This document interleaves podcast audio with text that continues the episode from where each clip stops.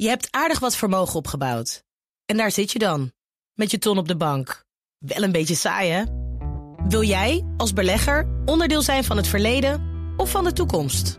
Bridgefund is een slimme fintech die een brug slaat tussen de financiële behoeften van ondernemers en van beleggers. Dus wie belegt bij Bridgefund krijgt niet alleen een mooie vaste rente, maar brengt ook ondernemers in beweging. Echt waar, met die ton kan je zoveel betere dingen doen. Bridgefund. Make money smile. And I want you all to know that we are fighting the fake news. It's fake, phony, fake. actually an incorrect statement. Um, yeah, we would call it fake news. Nou, welkom bij de Fact Gurus en Dr. Media podcast. Uh, Fact Gurus is een wekelijkse rubriek bij BNR's De Ochtendspits van Bas van Werven. En Dr. Media is een platform voor duiding en nuance bij medisch nieuws... te vinden op drmedia.nl. Opgericht door artsen Thijs Steeman en Lester Duperon. Welkom allebei weer. Yes, dank je. En deze podcastaflevering gaat over de volgende kop die te lezen was. Nieuwe urinetest toont, eh, toont uitzaaiing darmkanker in de lever. Eh, zoals te zien in de Telegraaf, maar ook Linda.nl en het Algemeen Dagblad hebben daarover geschreven en vele anderen. En daarvoor hebben we ook te gast Nick van Huizen. Hoi, Wat is eigenlijk jouw titel? Eh, nu is mijn titel dokter. Nou, dokter. Dokter. Dokter. Ja. Dokter. Oh ja, ja, ja. Scheelt een lettertje, maar je moet je er wel wat voor doen. Twee Ja. jaar. ja. Eh, en eh, je bent dus promovendus. Hoe noem je dat? Ja, jongens, ik ben zo slecht in. Postdoc. Nu ben ik postdoc. En Postdoc. hiervoor was ik promovendus. Kijk. En eh, jouw proefschrift was eh, de bron van deze artikelen. Ja, dat klopt. Nou goed. Voordat we daarin duiken, eh, doen wij een rondje nieuws. Van wat viel ons eh, deze week op het nieuws. En ik ga even beginnen bij Thijs. Wat viel jou op? Wat viel mij op? Nou, het, was, het, het- nou, het, is vandaag eh, Wereldkankerdag. Dat is misschien goed om eh, even bij stil te staan. En wat je dan eh, vaak ziet, is dat, er dat dat gebruikt wordt. Ook in positieve zin, hè, of vooral positieve zin. Dat is natuurlijk bedoeld met, om een ziekte aandacht te geven. Dat er dan veel berichten zijn die daar aan die ziekte ook gerelateerd zijn. Ehm eh, dus eh, eh, daar was onder andere vandaag het nieuws. Daar kwam, nou pik ik het eigenlijk bij Nick weg. Dus Nick, Nick, wat had jij ook weer net gespot in de... Ik had gelezen in de krant dat iemand had geprobeerd om een wet eh, te krijgen... eh, dat om zonnebanken te verbieden. En dat was niet doorgegaan vanwege de grote voorkomendheid van huidkanker. Ja. Ja, want gisteren, volgens mij was het gisteren dat eh, die eh, berichten naar buiten kwamen van dat inderdaad eh, richting Wereldkankerdag, dat er weer meer gevallen waren van kanker. Eh, eh, in zijn totaal, zeg maar. Wel een betere overleving. Dus kanker wordt wel steeds beter te behandelen. Maar er komt wel steeds meer, steeds meer eh, eh, aantallen van kanker. En dan met name huidkanker. En volgens mij was dit inderdaad een reactie daarop. Ja, dit borduurt erop verder dat, je, dat, dat er misschien aandacht voor moet zijn... dat het schoonheidsideaal van bruin zijn en onder de zonnebank... dat dat niet zomaar nou ja, eh, voor lief genomen moet worden... maar dat je er echt goed bij stil moet staan... dat er ook mogelijk risico's aan verbonden Ja. zijn. Het mooie was helemaal pijn lijden, alleen dat blijkt dan pas 40 jaar later eh, te gebeuren. Weet je wel. Ja. En overigens misschien even goed om te zeggen, eh, het moment dat we dit, dit is natuurlijk on demand en zo, dus het, het moment dat we dit opnemen is het eh, dinsdag 4 februari 2020. Als iemand dit nou veel later luistert en we hebben het over gisteren, dan kunnen ze het een Ja. beetje plaatsen voor wanneer was het ongeveer. Ja. Ja, mocht het toch morgen heel ander nieuws zijn over de zonnebanken... dan... eh, Ja. ja. Ik las trouwens nog dat die, eh, dat volgens mij was dat diezelfde man die die wet had eh, ingediend, zeg maar, dat die eh, ook minister Hugo de Jonge vooral een beetje wilde temmen, want die had nogal laten blijken dat hij af en toe de zonnebank pakte om een lekker kleurtje te krijgen. En dat hij vond dat hij daarmee niet het goede voorbeeld gaf. Ah, En da- toen had, had een woordvoerder van hem, las ik, geantwoord dat dat privézaken waren. Oké, maar Dat kunnen we dan is binnenkort een, een, eh, hele, hele witte, zeg maar, allemaal bleke Ja. eh, Tweede Kamerleden voor dus de goed gebruinde personen Nou, we moeten binnenkort maar eens eh, zijn foto's in de gaten houden en kijken, kijken of wat. dat je een soort van dat je bruinte schaamte, bruinschaamte krijgt, dat je een soort van wit moet schminken om te laten merken dat je. Ja, nou ja, zo- Dat in ieder geval niet doet. Ja, zonnebankschaamte. Ja, dat ik, is hoor hier het woord van Het woord van 2020. Is er hebben we al te pakken. dat is. Zonnebankschaamte. Ja. En hij was niet doorheen gekomen. Wat was de argument om niet doorheen te krijgen? Of die niet doorheen was gekomen? Zo goed heb ik het niet gelezen. Oh, ik heb echt nee. alleen de headlines gezien. me en toen ja. weer verder gescrolld. Ik ga nooit naar de zonnebank, dus dat was voor mij ook niet dacht, zo eh, maar. toepasselijk. Ja, nee, ja, snap maar dat is een mooie reden eh, waarom we hier zitten. Omdat eh, je hebt nu alleen de kop gelezen. En eh, dat zien we vaker. Dus dat, eh, nou, nou, misschien het artikel dat we zo er meteen erbij pakken. Daar eh, kunnen we de kop ook misschien wat meer nuanceren of duiden. dus eh, dat het toch soms nuttig is om iets verder te lezen. Ja, en ik had nog een ander, iets heel anders gevonden. En dat las ik op de, op de supergoeie website margriet.nl. Eh, onderzoekers weer een stapje dichter bij medicijn tegen Alzheimer. En het is belangrijk om te zeggen dat weer hier twee streepjes op de, e, de E's hebben staan. En eh, daar viel ik enorm over. Want, Die eh, intrigeerde jou, hè, die twee ja, streepjes. die twee streepjes. En dat ik, hij is weer een stapje dichterbij. Het is echt ongelooflijk. hij is echt al in je gezicht, dat, dat hele medicijn tegen Alzheimer. Ik zou je zeggen, ik heb het niet eens enorm goed gelezen... en al helemaal niet gefactcheckt. Maar eh, ik vermoed dat het helemaal niet zo heel dichtbij is, eh, deze, deze Je, wordt er genezing. bijna, je raakt er bijna een beetje soort van afgestompt, heb ik het Ja, gevoel. Van dat je, als je zo'n kop leest, die, dat je denkt, ja, ik geloof het eigenlijk wel. Of ja, niet. Dus. want volgens mij hebben we wel vaker dus van berichten voorbij zien komen... waarbij iets weer dichterbij is, weer dichterbij een onderzoek... weer dichterbij iets snellers. En als je het dan goed leest, dan is het eigenlijk... Ja, nou, het is natuurlijk zo dat als het ooit helemaal eh, opgelost is, dan, dus vanuitgaande dat dat dan eh, een keer is, hè, dat kan ook in de 2200 zijn, eh, dan is dat altijd waar. Altijd waar. In de tijd eh, kom je weer dichterbij. Maar door het gebruik van de twee streepjes vind ik dus, en daarom viel ik erover, dat mensen die in een situatie zitten waarbij ze hiermee eh, geconfronteerd worden of op zoek zijn naar oplossingen voor zichzelf of een, eh, of een familielid met, met Alzheimer of wellicht Alzheimer, die denken bij weer, oh nou, dat moet ik in de gaten houden, want wellicht is het nog Ja. op tijd. ja. Ja, nou, het is Ja, wel dat zo. zou natuurlijk kunnen, Ja, maar laten we het hopen. ja, laten we het hopen. Maar dat, eh, ja. Maar goed. Ja, er wordt veel over geschreven over Alzheimer. Op de achtergrond eh, is een van onze redacteurs ook eh, een, een uitgebreid artikel over Alzheimer aan het schrijven. Dus dat eh, nou, binnen, denk ik, nu in een weekje wel op de, op de Ja, website wat, wat van dat nieuwsbericht, nieuwsbericht betrof, of de, de bron daarvan, is dat niet eens meer nodig. Want is er al een methode om het, om het zelfs terug te draaien. Dus, eh, maar goed, daar lezen jullie dan eh, binnenkort over. Ja. Ik voel een volgende aflevering voor een podcast aankomen. Maar goed, laten we maar, zullen we doorgaan naar het hoofdonderwerp dan maar? Zeker. Ja. Nou goed, ja, daar, daarvoor is Nick hier. Dus, eh dus nieuwe urinetest test toont uitzaaiing darmkanker in de lever. Ja, Ja, ik denk dat het goed is om gewoon even bij de basis te beginnen. Van wat, wat heb je. Waar gaat het over? Nou, we hebben jaar geleden ben ik aan mijn promotieonderzoek begonnen. En daarvoor werkte ik al bij deze afdeling. En het project is zelfs al in 2007 gestart. Met het idee om in urine op zoek te gaan naar stukjes eiwit... die verhoogd zijn bij patiënten die een uitzaaiing van een darmkanker in de lever hebben. Eh, en daar zijn we eigenlijk langzaam naar aan het toewerken... om daar een methode van op te zetten en die uiteindelijk in de kliniek te krijgen. Eh, en tijdens mijn promotieonderzoek hebben we daar een aantal artikelen over kunnen publiceren... dat we steeds een stapje dichterbij komen. Eh, ja, dus dat is eigenlijk wat we wat dat betreft gedaan hebben. Dat is ook eigenlijk wat de titel zegt. Ja. Dat we dichterbij zijn wat dat betreft. En, en wat was nou voor de reden dat, het, eh, dat dat nu in het nieuws kwam? Was dat dat jij promoveerde? Eh, tijdens het promotieproces moet je online allemaal dingen invullen voor de Erasmus MC, want dat, dat hoort erbij. En een van die dingen was dat je een, een korte samenvatting van je promotieonderzoek moest schrijven voor de persafdeling. En als zij het interessant vinden, dan schrijven ze daar een persbericht van en wordt dat naar buiten gebracht. Ja. En de mevrouw van de persafdeling die vond het interessant. Dus eh, samen met haar hebben we een, een persbericht geschreven. En na aanleiding van promotie en na mijn promotie is die eh, naar buiten gebracht. En toen eh, ja, heeft bijna iedereen dat opgepikt. Ja. hoe, hoe, was dat voor jou toen je een ochtend wakker werd? En, het was eigenlijk donderdagmiddag. Ik was het alweer vergeten dat ze dat zou doen eigenlijk in alle hectiek van mijn hele promotie. En eh, toen kreeg ik in één keer een e-mail van eh, Radio BNR heeft interesse. En ze willen graag een interview met je hebben op de radio. Ik zeg, "Oh, op de radio? dat is wel heel erg eh, bizar. Dus, en, en toen ben ik naar huis gegaan en ik dacht, ik bel vanuit huis. Dat is lekker rustig. En Ja. toen kreeg ik allemaal appjes van, we zien het in de Telegraaf en hier en daar. Ja. Ja, dat had ik nooit verwacht. En toen je het, eh, toen je het las, die berichten, wat, wat, eh, wat, wat, dacht je toen als je, als je het vergelijkt met het onderzoek eh, en de conclusies tot nu toe? Nou, we hebben het hele persbericht samengeschreven met de persafdeling. Dus wij waren heel dichtbij betrokken wat daarin stond. Dus we, ja, we zijn er ook waren er min of meer bij dat dat klopte wat erin stond. En eigenlijk wat mij opviel, was dat bijna iedereen het letterlijk kopieerde. Of daar stukken uithaalde en, en ja, voornamelijk letterlijk kopieerde. Dus dat, eh, ja, dat, viel mij, dat viel mij het meest op. Dus eigenlijk alle verschillende artikelen zijn bijna kopieën van elkaar. ja. Ik weet niet of Je- dat gebruikelijk is, maar... Je bent niet nog weer door een krant of door een ander medium benaderd om wat meer uitleg te geven of andere eigen woorden. Nee, nee Eh. eigenlijk alleen door eh, Radio BNR. En dan nu de, en door jullie door, voor deze podcast. Dus, en verder was het eigenlijk het persbericht en dat werd vrijwel letterlijk, zoals jij zegt, dan overgenomen door anderen. Ja. Ja, Want als we het dan toch, want dat is natuurlijk wat we met Dr. Media doen, het wat kritischer bekijken, met name hoe het in het nieuws is gekomen en wat de boodschap van jouw oorspronkelijke onderzoek eigenlijk zou moeten zijn, misschien voor de patiënt. Daar heb je gelukkig, zo te horen, al heel veel eigen inbreng in gehad door dat samen met het eh, eh, persbureau zeg maar, te schrijven.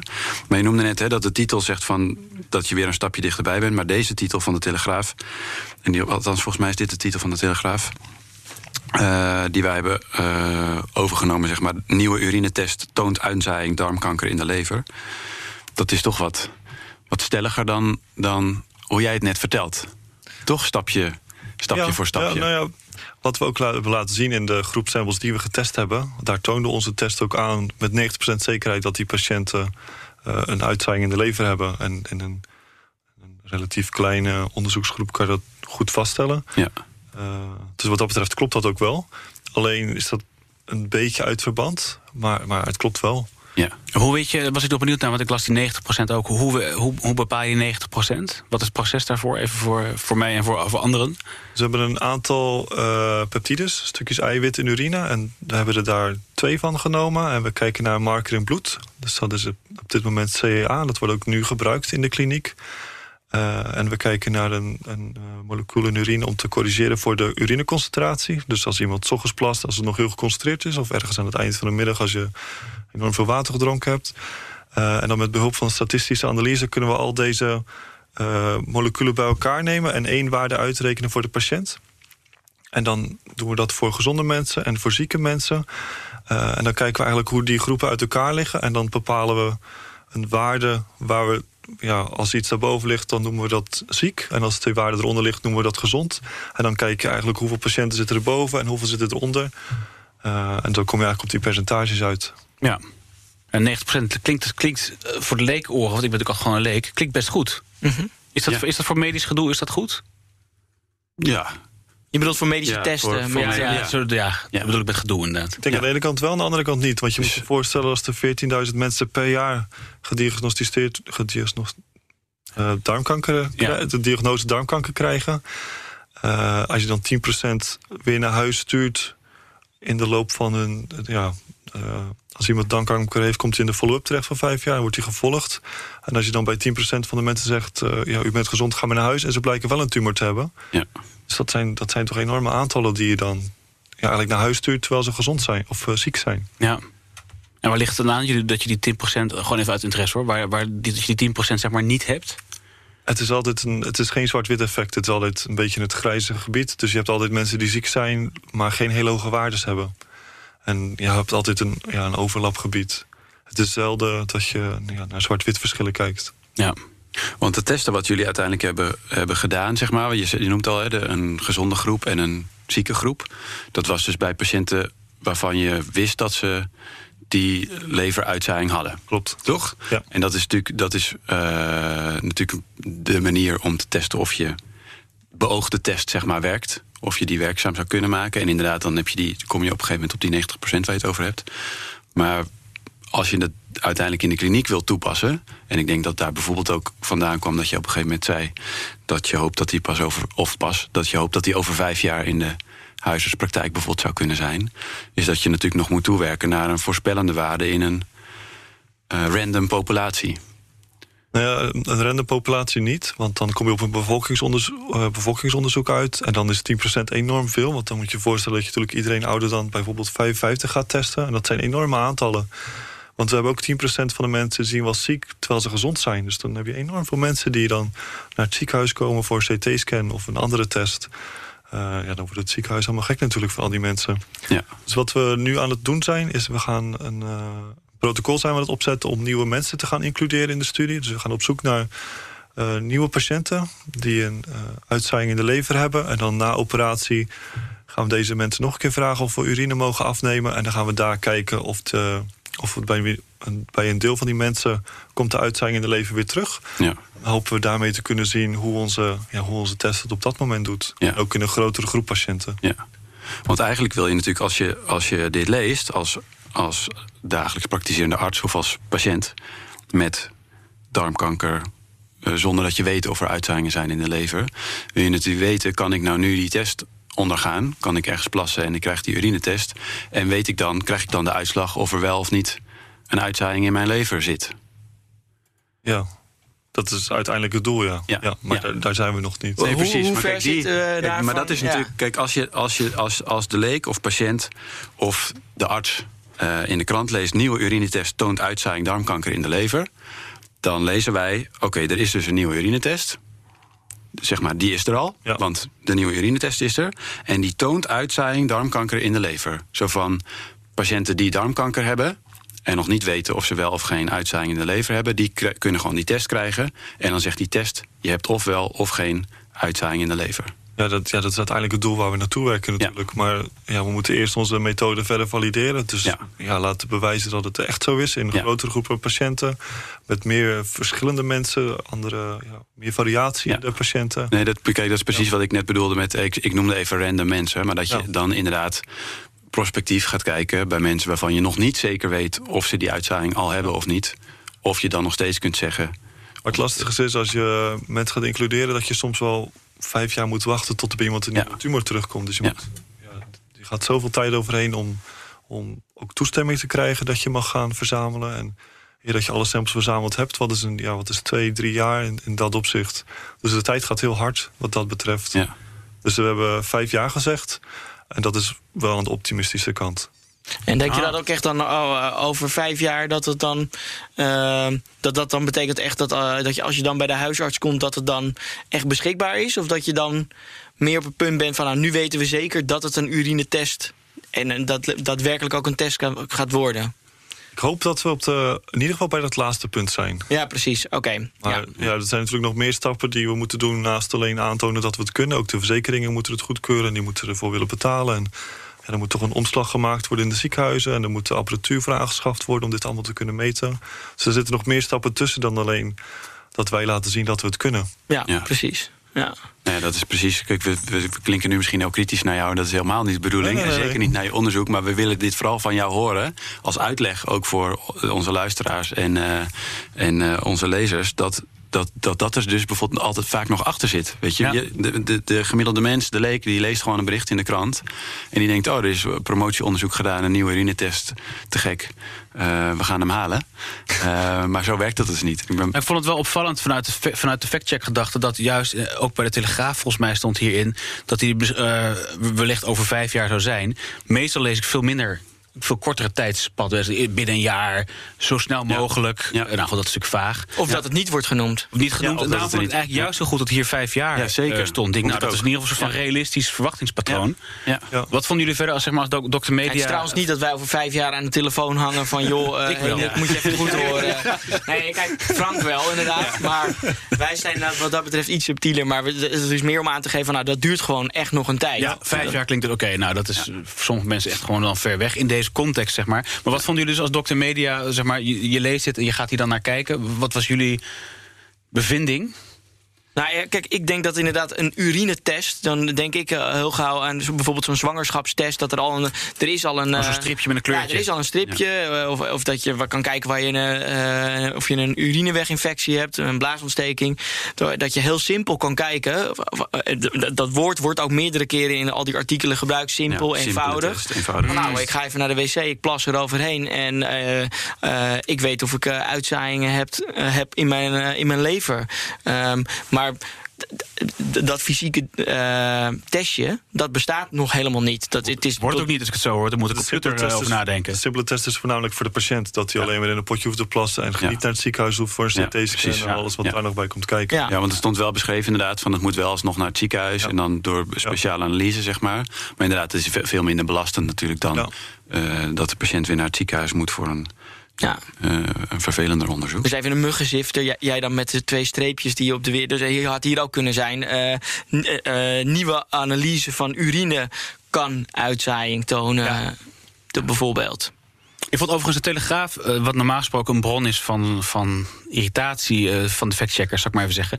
Vond ik in deze geval ook goed, want het, eerste, eh, het begin van hun eerste paragraaf is: huisartsen beschikken nog niet over de test. Ja, Ik, nou, ja supergoed. Ja, Ja. We komen ergens. Heel goed, ik had daar ook een streep onder gezet. Wat ik dan wel. Het, het suggereert wel van. Oh, eh, huisartsen beschikken nog niet over de test. Maar ik dacht van ja, dat kan ook nog suggereren. Hij moet nog geleverd worden. Hij moet nog geleverd worden. Of eh, inderdaad, hij staat nog in het magazijn. Of eh, ze willen hem niet betalen. Of, eh, maar eh, met de beste wil van de wereld is hij ook nog niet te koop. Nee. Tenminste, of Nick moet hem nu. eh, maar dat, nou, we hebben net begrepen dat dat echt nog minstens vijf jaar duurt. Maar misschien pas over vijf jaar gezegd kan worden of hij ook echt gemaakt kan worden, überhaupt. Ja. Ja.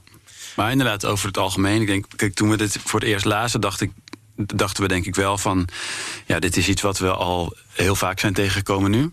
Ehm, zo vaak dat er weer over een nieuwe test of over een nieuwe mogelijke behandeling... maar heel vaak over een nieuwe test. Nieuwe test voor Alzheimer, nieuwe bloedtest voor... Is een kind ziek van een bacterie of een virus? Nieuwe test voor. Nou, we hebben er eh, meerdere gehad. En die gaan bijna altijd min of meer komen die neer op hetzelfde principe. Dat inderdaad er onderzoek is gedaan naar een mogelijke test. Dus naar bepaalde werkzaamheid van een test. Naar hoe zouden we toekomstig echt een klinisch toepasbare test kunnen vormgeven. Ehm, en dat is dan het nieuws. Alleen dan blijkt dat het nog lang niet in de praktijk is. En dit keer is het wel netjes verwoord. Inderdaad, de huisarts hebben hem nog niet. Nick heeft duidelijk eh, genoemd. Ik verwacht dat hij, of hoop dat hij over vijf jaar beschikbaar komt. Ehm, Alleen we begonnen de uitzending al een beetje over van... Hè, ik heb alleen de kop gelezen en het, onder, Ja. en het stuk niet helemaal. Als je hiervan alleen de kop leest... Ja, dan hang je nieuwe urinetest eh, toont uitzaak darmkanker in de lever... en je kent iemand met darmkanker of weet je... dit is gewoon wat blijft hangen. Van, Of je hoort er later iets over, dan is het eerste wat jij zegt... oh, maar dit is toch die nieuwe urinetest? Ja. Nou, we, dat hebben is- ook, we hebben ook al berichten gekregen. Mensen belden naar het Erasmus C. Ik heb een aantal mailtjes gekregen van... eh, joh, ik wil graag meedoen. Of ik heb iets gehad in het verleden. Ik- Kan ik Ja, meedoen als proefpersoon? Dus ja, er zijn wel mensen die het lezen... en die ook gelijk gaan bellen van... joh, is dit iets van mij? Of, of ik wil je helpen. ja. Ja, die zit, natuurlijk, die zit natuurlijk omhoog. Maar is dan, Ja. de, de, eh, je schreef dus die per, zo'n persbericht samen. Zijn zij zich daarvan bewust van hoe die bewoording uitpakt in de media en wat voor gevolgen dat dan weer heeft in soort van de terugkoppeling naar huisartsen, artsen, ziekenhuizen, et cetera? Dat weet ik eigenlijk niet. Nee. Niet, eh, op dat moment had ik er nooit over nagedacht dat het zo groot zou worden... en dat de mensen überhaupt zouden gaan bellen of dat ik hier zou zitten. Nee, ja, ja, Dus ja. ik was er als naïef misschien, maar ik had daar nooit bij stilgedaan. Dat was mijn leidinggever die ook meekeek. En die zei let op wat je, wat je zegt. Want ja, je moet ook wel aan de patiënt denken. En net waar we het over hebben, dat Ja. mensen denken... ja, eh, kan ik meedoen? ja. En, en kreeg, jij die, kreeg jij die reactie zelf? Of kwamen die bij, eh, kreeg je die via de persafdeling binnen? Of dat, Ik was toevallig die dag eh, nog thuis na mijn promotie. Want ik eh, was nog een beetje aan het bijkomen van het hele festijn. Heel goed. En, eh, mijn collega belde, er bellen allemaal mensen voor jou. En eh, dus, ja, over je nieuwe test. En de telefonisten die worden er gek van. En, wat doen we? ja. ja. Geef ze mijn e-mailadres dan maar. Dat is misschien het makkelijkste. ja. Ah, Was nog even benieuwd, ha- hadden jullie zelf ook een titel boven het persbericht? En was dat dan deze titel? Of Als het goed is wel. En die zou ook terug te moeten vinden zijn bij amazingerasmusmc.nl. Maar Ja. ik weet hem niet uit mijn hoofd. Daar hebben we wel, volgens mij hebben we daar wel ook naar gelinkt op onze website. Volgens mij ja. Ehm, In ieder geval naar de Maar kranten, kranten maken natuurlijk bijna altijd maakt de eindredactie van een krant en van andere media eh, zelf een kop boven een eh, eh, stuk. het originele kop is urinetest voor aantonen uitzaaiing van darmkanker in de lever. Ja, daar Ja, ontbreekt dus eigenlijk daar überhaupt een ontbreekt werkwoord een in. woord, ja. De persoonsvorm had wel eh ja. had toelaat kunnen bieden. Maar eh, ja. En toen. eh, ja. ja, Daar heb ik een soort vraagteken had achter gekund. ja, ja. ja. Ja, de, de reden dat wij hier zo op zitten, ik wil dat even toelichten, is dat we hebben bijvoorbeeld eh, de podcast over de B12-vitamine en ze hebben er nog een paar. Daarin zie je juist dat, die, dat bijvoorbeeld onderzoeken gedaan worden binnen de gedegen, zo gedegen als je onderzoek in sommige contexten kan doen. En dan komt er een persbericht en daar staan dan of superlatieven in, of inderdaad een, een tijdspad lijkt te kort, of er wordt een soort van belofte gesuggereerd die er eigenlijk in het onderzoek helemaal niet zit. Eh, dus wij, zijn inmiddels een beetje zover denk dat we aangaan op wat gaat er nou eigenlijk mis, of mis, wat gebeurt er in het proces dat er een persbericht wordt geschreven, dat het zeg maar bijna marketingachtig, eh, als ik het goed verwoord, Zeker, naar ja. buiten wordt gebracht. Ja. Dus daarom is het zo interessant dat jij hier ook zit, omdat je het samen met hen hebt gemaakt. Ja. Dat je natuurlijk dat proces hebt gezien van oké, ik heb alle kennis en zij zijn van de communicatie. En hoe voeg je dat dan eh, samen? Ja. En bij jou zijn ook de reacties teruggekomen van m- mensen die het aangaat, die dat Ja. hebben gelezen. En dat, eh, ja. Is er nog een eentje wat je, wat je bijgebleven is? Of, Zelf heb ik er uiteindelijk maar twee gekregen via de e-mail. Dus echt een groot aantal heb ik niet gezien. Maar ik vond het beide wel... eh, Uh, als je aan het onderzoek, als je aan je onderzoek werkt, je bent op je, lab, op je laboratorium bezig, je achter je computer met grote Excel-sheets bezig. Uh, en niet dat je de patiënt uit het oog verliest, maar het, het verdwijnt toch naar de achtergrond, om het zo maar even Ja. te zeggen. Ja. En dan komt het toch in één keer weer dichterbij dat je toch wel weer de, de mensen achter je, achter je datapunten ziet. Want je, je werkt met, op een gegeven moment met 200, meer dan 200 patiënten. En dan, ja, je, je- ja, je moet, ja, Ja, je moet Ja. het gewoon als een is gewoon een statistisch punt. Ja. Ja. En, en eentje meer of minder, zo wordt het op een gegeven moment. En dan is het wel. Een week op call is een groot woord, maar je denkt dan, Mhm. oh ja, weet je, je weet wel weer waarvoor je het doet. Je wil die Ja. mensen helpen. En eh, ja, je moet oppassen wat je zegt en dat soort dingen. Dus dat. eh, Ja. En ik vroeg me nog af, als je ehm, nu je, nou, je zei van nou, ik, wist, ik had geen idee wat me overkomen is, maar stel dat je nou, eh, je bent nu bezig met het vervolgonderzoek en dat komt opnieuw, eh, gaat, gaat daar een persbericht over uit en eh, ehm, ga je misschien dit traject in, of je moet een collega adviseren, wat zou je, zou je daar nog tips voor hebben, of wat je jezelf of hun mee zou willen geven? ja, toch. Ik denk dat het heel leuk is. En het is echt superleuk natuurlijk dat je al die aandacht krijgt voor je onderzoek. Want zoals ik net zei, je doet je dingetje. En dan, als er één keer zoveel aandacht voor is, is dat natuurlijk geweldig. Eh, ja, maar pas op dat je niet te veel belooft. Dat, dat gaf mijn leidinggever aan mij mee. En dat is denk ik toch wel belangrijk. Want je ziet dat mensen erop reageren. En je beseft dat niet altijd omdat jij, als jij onderzoek bezig bent, omdat je er zelf niet mee te maken hebt. Eh, maar dat is toch wel het meest ja, waar je op moet letten. Dat je inderdaad niet te veel belooft. Want ja, mensen contacteren je. En als je dan nee moet zeggen, is het helemaal vervelend tegen iemand persoonlijk. Waarvan je de naam ziet. En ja, Ja. Vaak nog persoonlijke informatie of zo. Ja. Best wel veel. Ja. Ja. Ja. Het is wel Ja. vallend veel. Ja, die delen ik kan daar niks mee. Maar dat je van mensen een hele medische geschiedenis krijgt. Ja. Ja, Ja. ja. heftig. Ja. Ja. Nou, ik denk een goede tip, Ja. dat eh Ik ook, ja. om mee te nemen. Ik heb, eh, los van het factcheck heb ik nog een paar soort van eh, afdwaalvragen. Ja, Of, eh, hebben jullie, zal ik die nu even? Of, eh, wij dwalen graag met je mee. Ja, dwalen we graag af. Ik voel me af, hoe, hoe, eh, hoe ziet je pad voorwaarts er nu uit? Eh, we hebben subsidie gekregen van de, de Europese Unie, van de EET Health, om, om met dit onderzoek verder te gaan. Eh, ze hebben geld gekregen voor twee jaar, alles bij elkaar. Dus dat, dat is van de zomer begonnen. Dus we zijn al druk bezig geweest met alle administratieve dingen. En nu zijn we bezig met het opzetten om nieuwe samples te gaan verzamelen. Eh, dus in ieder geval tot nog anderhalf jaar ben ik zeker nog met het onderzoek bezig. Ja, wat goed. En dan eh, moeten we kijken of, we- of we weer geld kunnen krijgen natuurlijk om er weer mee verder te kunnen gaan. Ja, en was het, was het moeilijk om, om, om zeg maar, subsidie te krijgen? Eh, mijn leidinggever heeft, heeft dat gedaan. En in de praktijk is het vaak wel lastig om geld te krijgen voor onderzoek. Er zijn zoveel mensen die onderzoek doen en heel goed onderzoek doen. Eh, dus ja, uiteindelijk moet er gekozen worden. uit- Ja, moet er gewoon gekozen worden wie krijgt het Ja. geld. En dat betekent niet dat die anderen niet goed zijn, maar de rest is net iets beter. Ja, ik sprak, ja, interessanter. Ja. ja, ik sprak voor een ander, voor, voor een ander onderzoek sprak ik een onderzoekster. En die eh, zaten nu heel erg in de fase van: oké, ze zaten heel veel paden doorlopen. En ze waren het nu eigenlijk aan het klaarmaken voor de markt. Eh, dat vond ik enorm als een soort van start-up voelen bijna. Want je gaat naar vermarketing en hoe komt het dan aan bij de verzekeraars inderdaad. Hoe is dat voor jou? Voelt dit, voelt dit als een start-up? Nee, voor mij nog niet. Nog niet. Misschien in de latere fase wel, maar op dit moment nog niet. Voor mij dit is echt nog de onderzoeksfase waarin we in zitten. Wel een stapje verder. Maar ja, nog steeds onderzoeksfase. Ja, gewoon in het laboratorium. Ja. Ja, zo zie je, maar je noemde dat aan het begin dat je in 2007, volgens mij zei je 2007 Ja, toch? klopt, dat het ja, niet dat jij was begonnen, maar dat wel het onderzoek was begonnen. Ja. Eh, en nu leven we in, ik kan me vergissen, maar 2020. Ja. Ehm, dat, eh, en het gaat nog minimaal vijf jaar, nou misschien wel tien jaar of wat dan ook duren. Dan zijn we zomaar weer, wat is het? 20 jaar. Ja, je gaat- je gaat heel erg eh, richting- het zijn echt 20 lange. Ja. lang, lange trajecten. Goed je het zegt, ja. Ja, het is interessant in het tot, pad te horen. Want je leest het nog wel eens, ook wel eens in nieuwsberichten... als er dan een nieuwe ontdekking wordt gedaan... in de zin van, hé, hey, daar lijkt een... we lijken iets gevonden te hebben... wat een verklaring zou kunnen zijn voor een bepaalde ziekte of zo. Zo van, dat geeft aanleiding om daar dan ons onderzoek op te gaan richten... voor nieuwe diagnostiek of nieuwe behandeling.